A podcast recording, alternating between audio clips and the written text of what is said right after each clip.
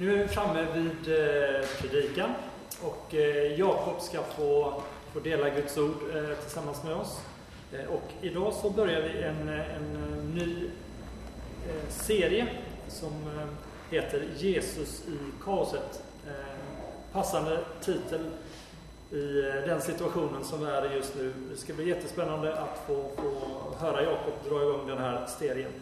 serien. Eh, men innan vi, jag lämnar över mikrofonen till Jakob så kan vi väl ställa oss upp och lyssna på dagens predikotext från Johannes 16 och vers 31 och framåt.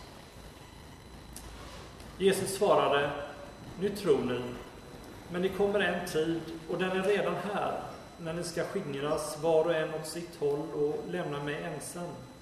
Men jag är inte ensam, för Fadern är med mig detta har jag sagt er för att ni ska ha frid i mig. I världen får ni lida, men var frimodiga, jag har övervunnit världen. Så lyder Herrens ord. Gud, vi tackar dig.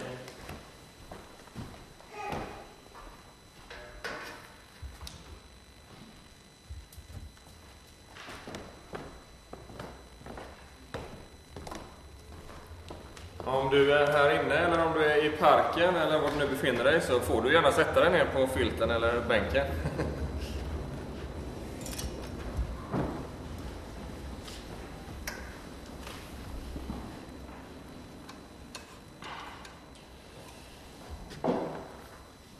Så gott att få fira gudstjänst tillsammans igen. Eh, och det är en sån underbar dag. Jag har haft fotbollsträningar på morgonen. Jag tränar inte själv, men jag får små barn att springa.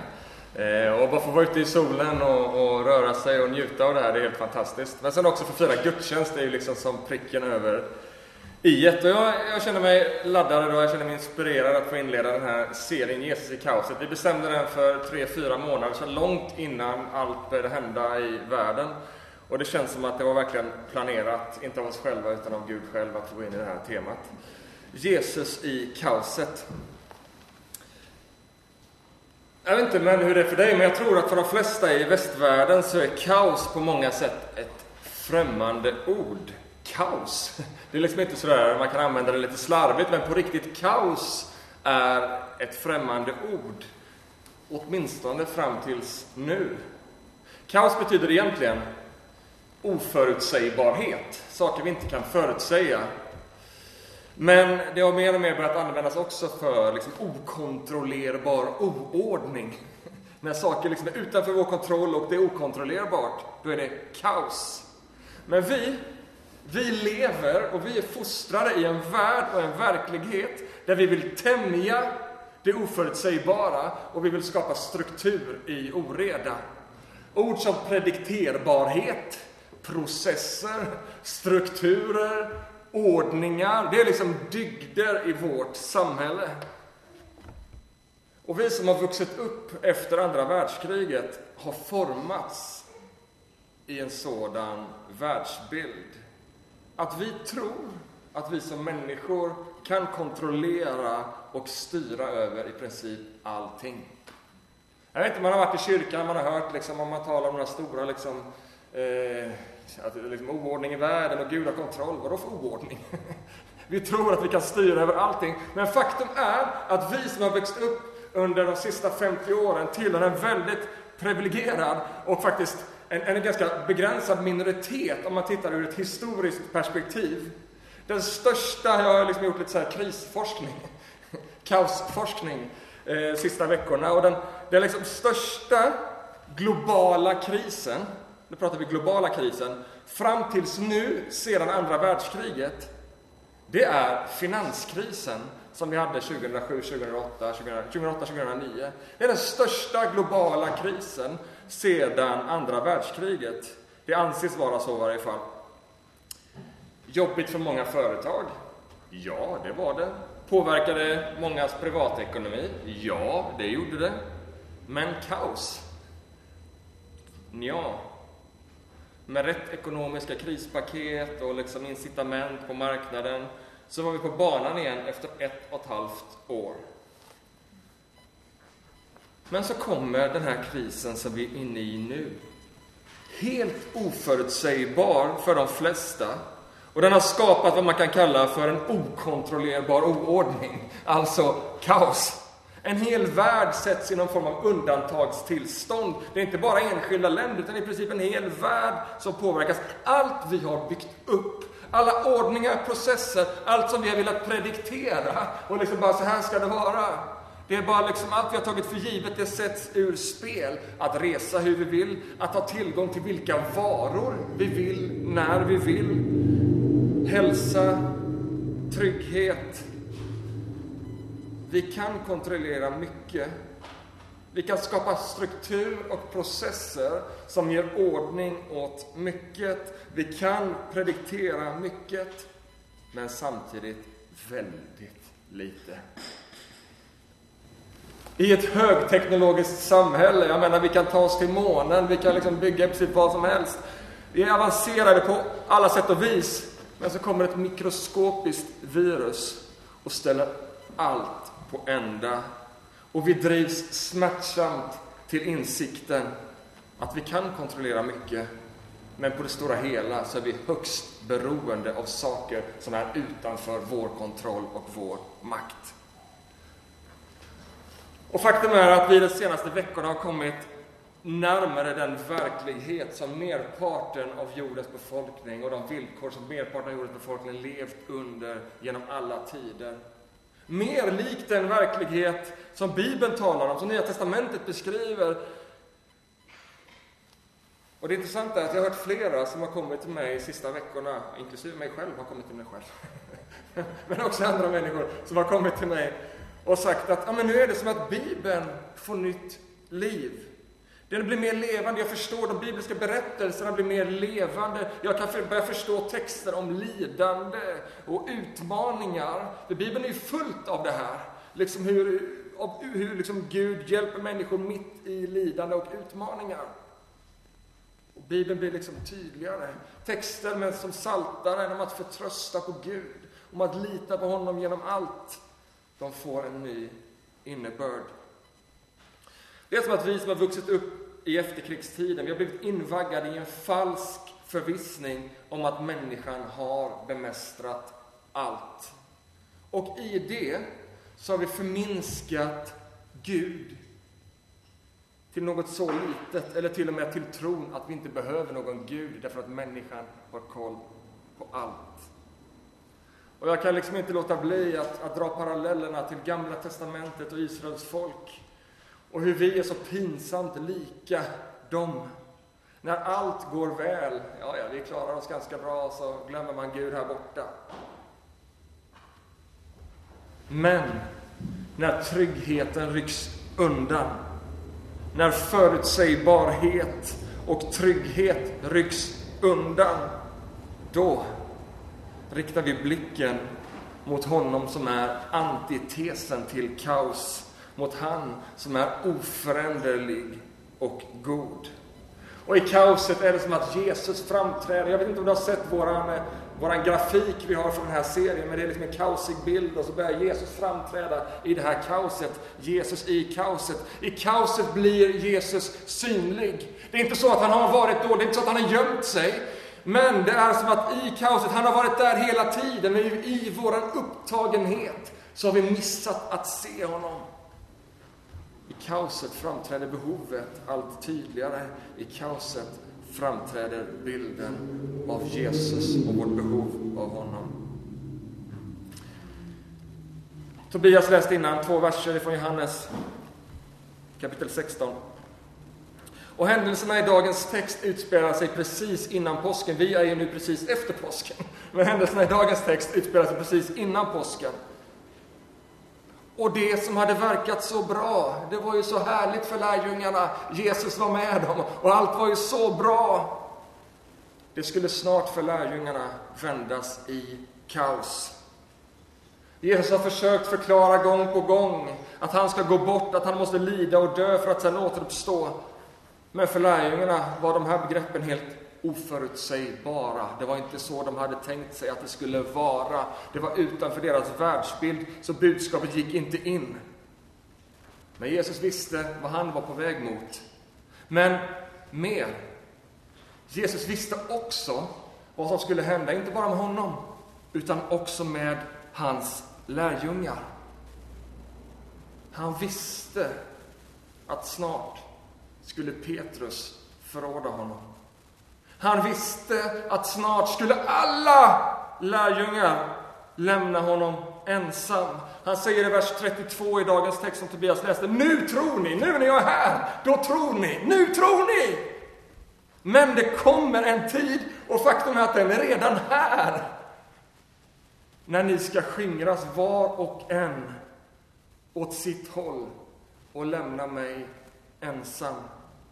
Och vi kan läsa i Markus evangelium kapitel 14 och 50 hur det sedan blev så. Där det står att alla lärjungarna flydde från Getsemane trädgård. Ni vet när arméstyrkan kom, där prästerna kom för att gripa Jesus.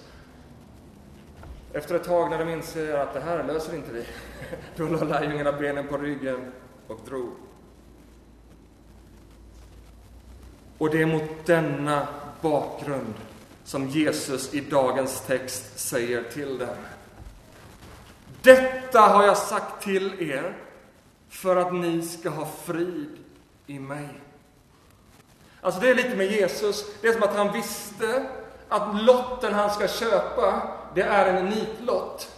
Men han köper lotten ändå.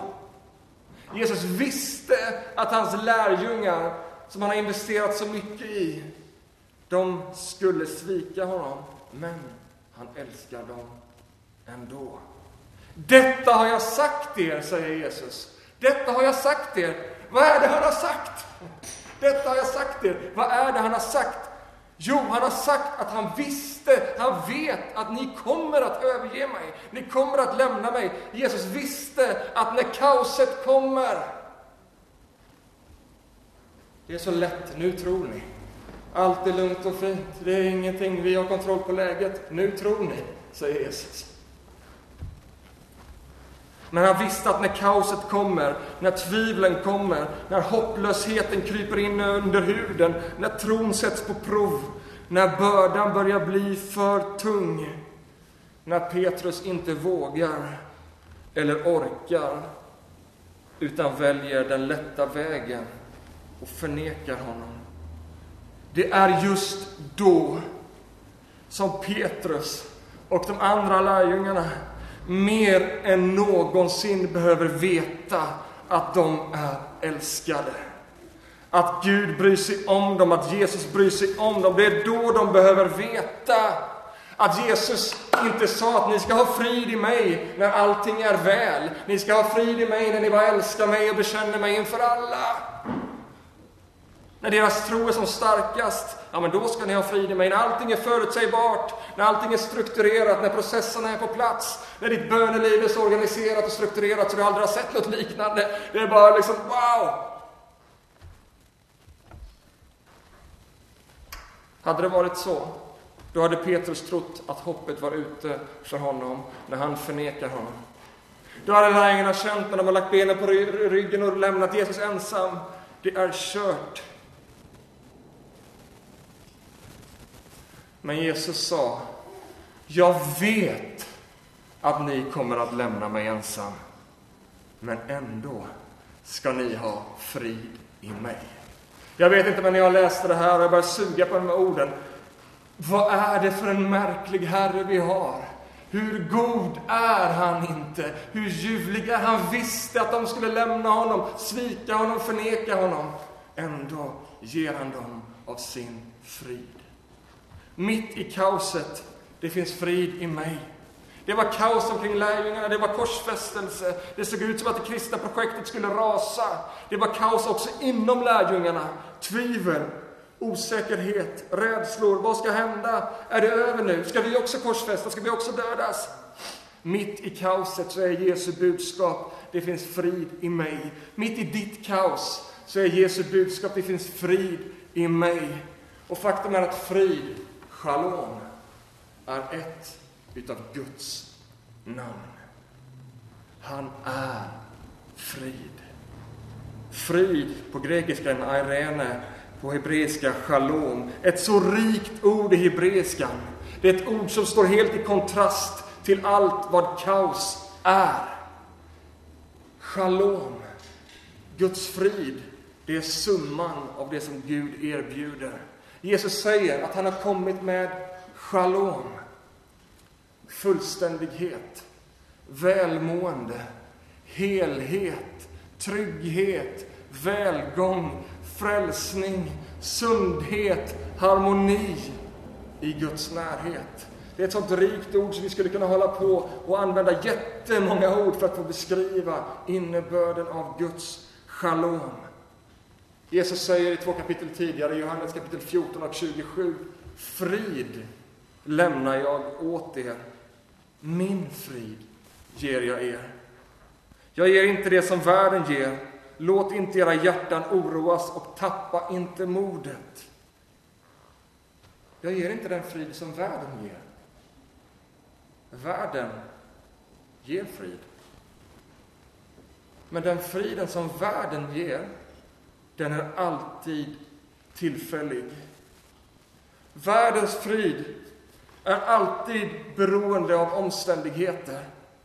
Den rubbas av finanskriser, den rubbas av sjukdom, den rubbas av relationsproblem, den rubbas av blodsockerfall när du inte har fått din kexchoklad i tid. Den rubbas av krig, förföljelse, nöd, pengar, trygghet och pandemier. Men Jesus säger, min frid är inte av denna världen. Jag ger er annan frid.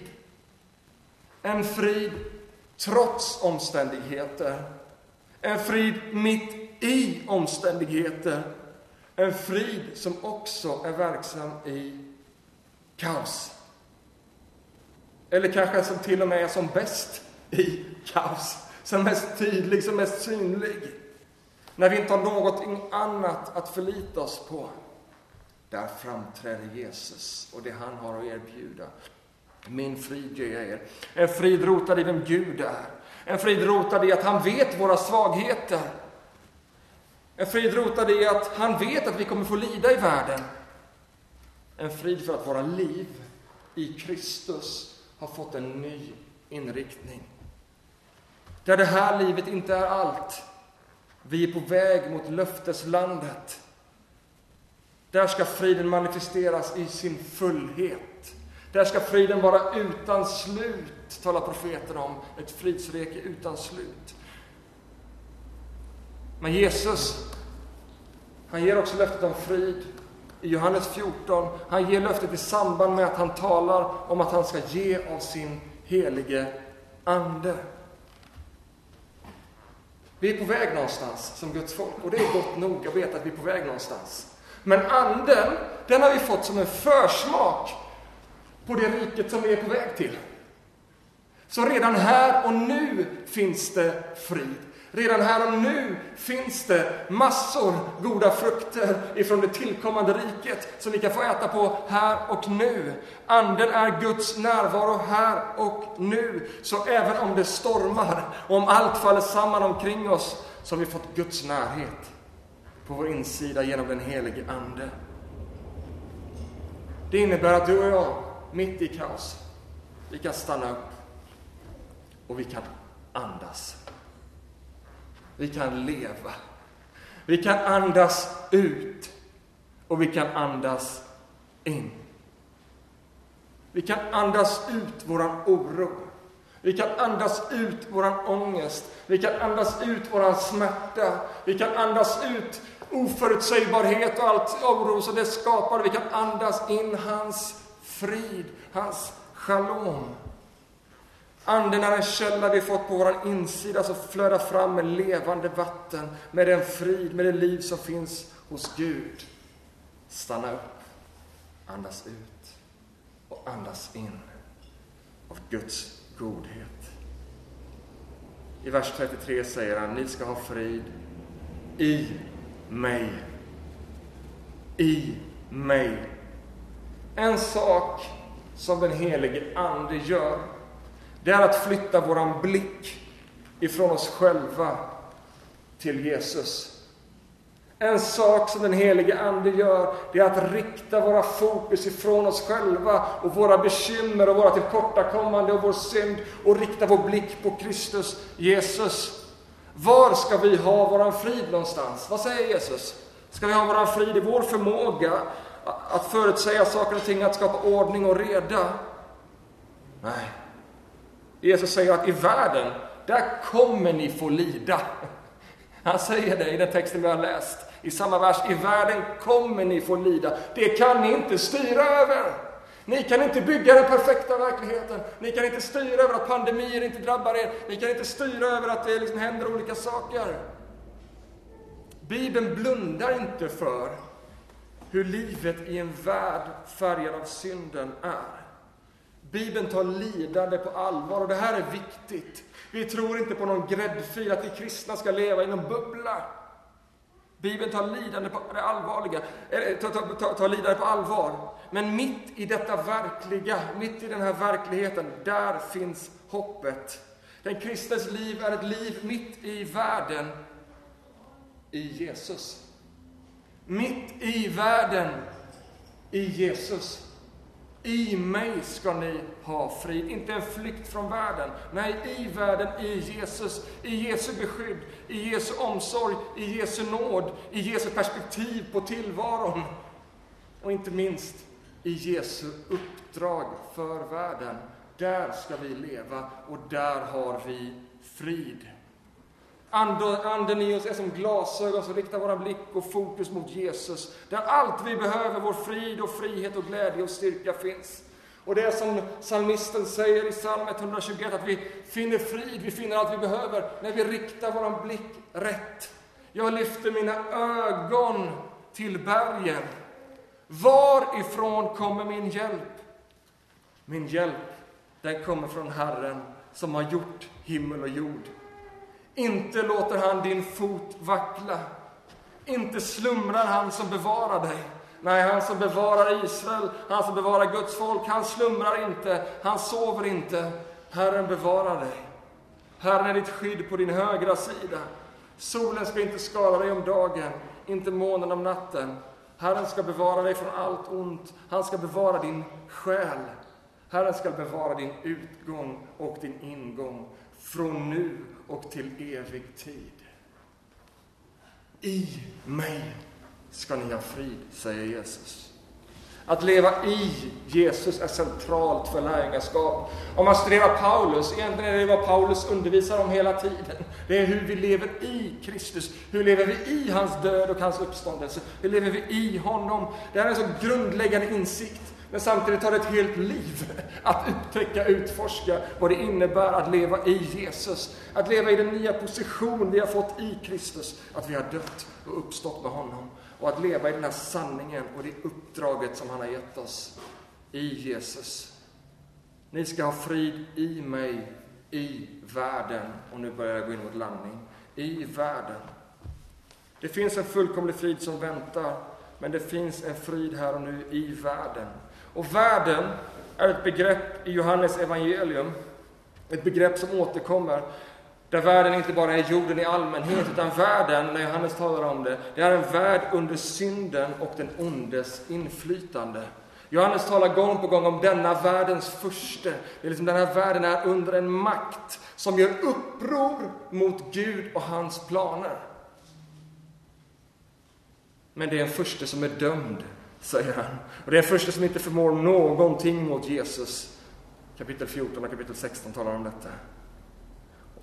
Och i vers 20 står det också att världen ska glädja sig vid Jesu död. Alltså det är världen, han talar om världen, det är det som gör uppror mot Gud. Så när Jesus säger att vi i honom ska ha frid i världen, så är det inte en frid när alla omständigheter är rätta. Det är inte en frid när alla tycker om oss, är på vår sida. Det är inte en frid när ingen sjukdom, inget lidande drabbar oss, utan det är en frid mitt i denna världen som är ofullkomlig och stukad. Det är en frid som är verksam när allt verkar vara emot dig. När alla verkar vara emot dig finns det en frid som vill vara verksam i dig. Det är en frid som är verksam när osäkerhet förlamar en hel värld. Oroa er inte. Ta emot min frid, säger Jesus. I honom kan vi känna shalom, trygghet, helhet, välmående, harmoni. I hans närvaro, där finns frälsning. Där får vi leva i hans planer. mitt i denna världen som är skakad och skadad av syndens konsekvenser. Gud finns inte på ett mål någonstans, Gud finns i verkligheten. Guds nåd och kärlek är verksam mitt i skiten. Mitt där tvivel och lidande och utmaningar finns, där får vi med Andens hjälp rikta vår blick mot det som är där ovan. Mot Jesus som sitter på Faderns högra sida och manar gott för oss. Ni ska ha frid i mig. I världen får ni lida. Men var vid gott mod. Är det någon som behöver höra det idag? Var vid gott mod, min vän. Var vid gott mod. Ja, men det är så, det är så jobbigt. Var vid gott mod. För att det är jobbigt? Nej, men för att Jesus har gett dig av sin frid och för att han har övervunnit världen. Var vid gott mod, jag har övervunnit världen. Jesus talar om att han i sitt kommande till jorden har övervunnit. Jesus har inte dött ännu, Jesus har inte uppstått ännu. Men det finns inget tvivel i Jesus om att han inte ska fullborda sitt uppdrag. Det uppdraget att skulle leda honom till ett kors. Nej, det finns inget tvivel i att Gud inte ska fullborda detta. Därför kan han nu säga att jag har övervunnit önskan i världen som gör uppror mot Gud och Guds planer. Därför, hela den här världens furste är redan dömd, säger Jesus. På korset, där tar Jesus fighten mot synd och död. Och i uppståndelsen så segrar han över synd och död. Och i uppståndelsen sätts vårt hopp mot löfteslandet. Han övervann synd och död för oss, så att vi nu och här kan förenas med Gud genom Anden. Så att vi nu och här kan bli födda till ett nytt och levande hopp. Så att vi nu och här kan ha frid i honom. Så att vi nu och här kan leva i honom. Och det här är inget enmansprojekt. Tänk nu inte det här att jag lever i Kristus, jag klarar mig själv. Hela Nya Testamentets uppenbarelse är att livet i Kristus, och Paulus är så tydlig med detta, att hela livet i Kristus är ett liv i kroppen, ett liv i församlingen, ett liv i kroppen där Kristus är huvud. Och nu befinner vi oss i en tid där man bara kan följa vilken gudstjänst man vill på sociala medier och överallt. Jag skulle säga på ett sätt så följer du en gudstjänst. Du är inte riktigt en del av en gudstjänst. Jag är ambivalent mot den här tiden där vi flödar ner hela liksom, internetet med gudstjänster. Därför att det är, eh, det är någonting som får väl vara okej okay just nu, men det är inte fullt ut gudstjänst. Det är inte att vara en del av en kropp där vi är sammanlänkade med varandra, där vi sitter i våra bänkar, där sitter en hemlös jämte en fastighetsägare, där sitter fattig jämte rik, där sitter den med illrött hår jämte den utan hår, där liksom sitter vi allihopa. Och det är detta som är kyrkan, Kristi kropp, fullheten av honom. Så nu känner du glädje i att följa vår gudstjänst digitalt, men vi längtar efter den dagen då vi får manifestera igen att vi är en kropp som lever i Jesus Kristus, i världen. Om allt rasar samman, om kaos kommer, vad än kaos är, så har han övervunnit det i världen som är ur led, det som är ont. Glöm inte det. Och jag vill också påminna om en punkt som har varit i min predikan, att också när vi själva inte håller måttet, detta har jag sagt er, säger Jesus, för att när tron sviktar, när utmaningar kommer, både utifrån och inifrån, då släpper jag inte greppet, säger Gud. Då släpper jag inte greppet, utan se att i mig, där har ni frid. I mig, där har ni liv. I mig har ni allt vad ni behöver. Amen.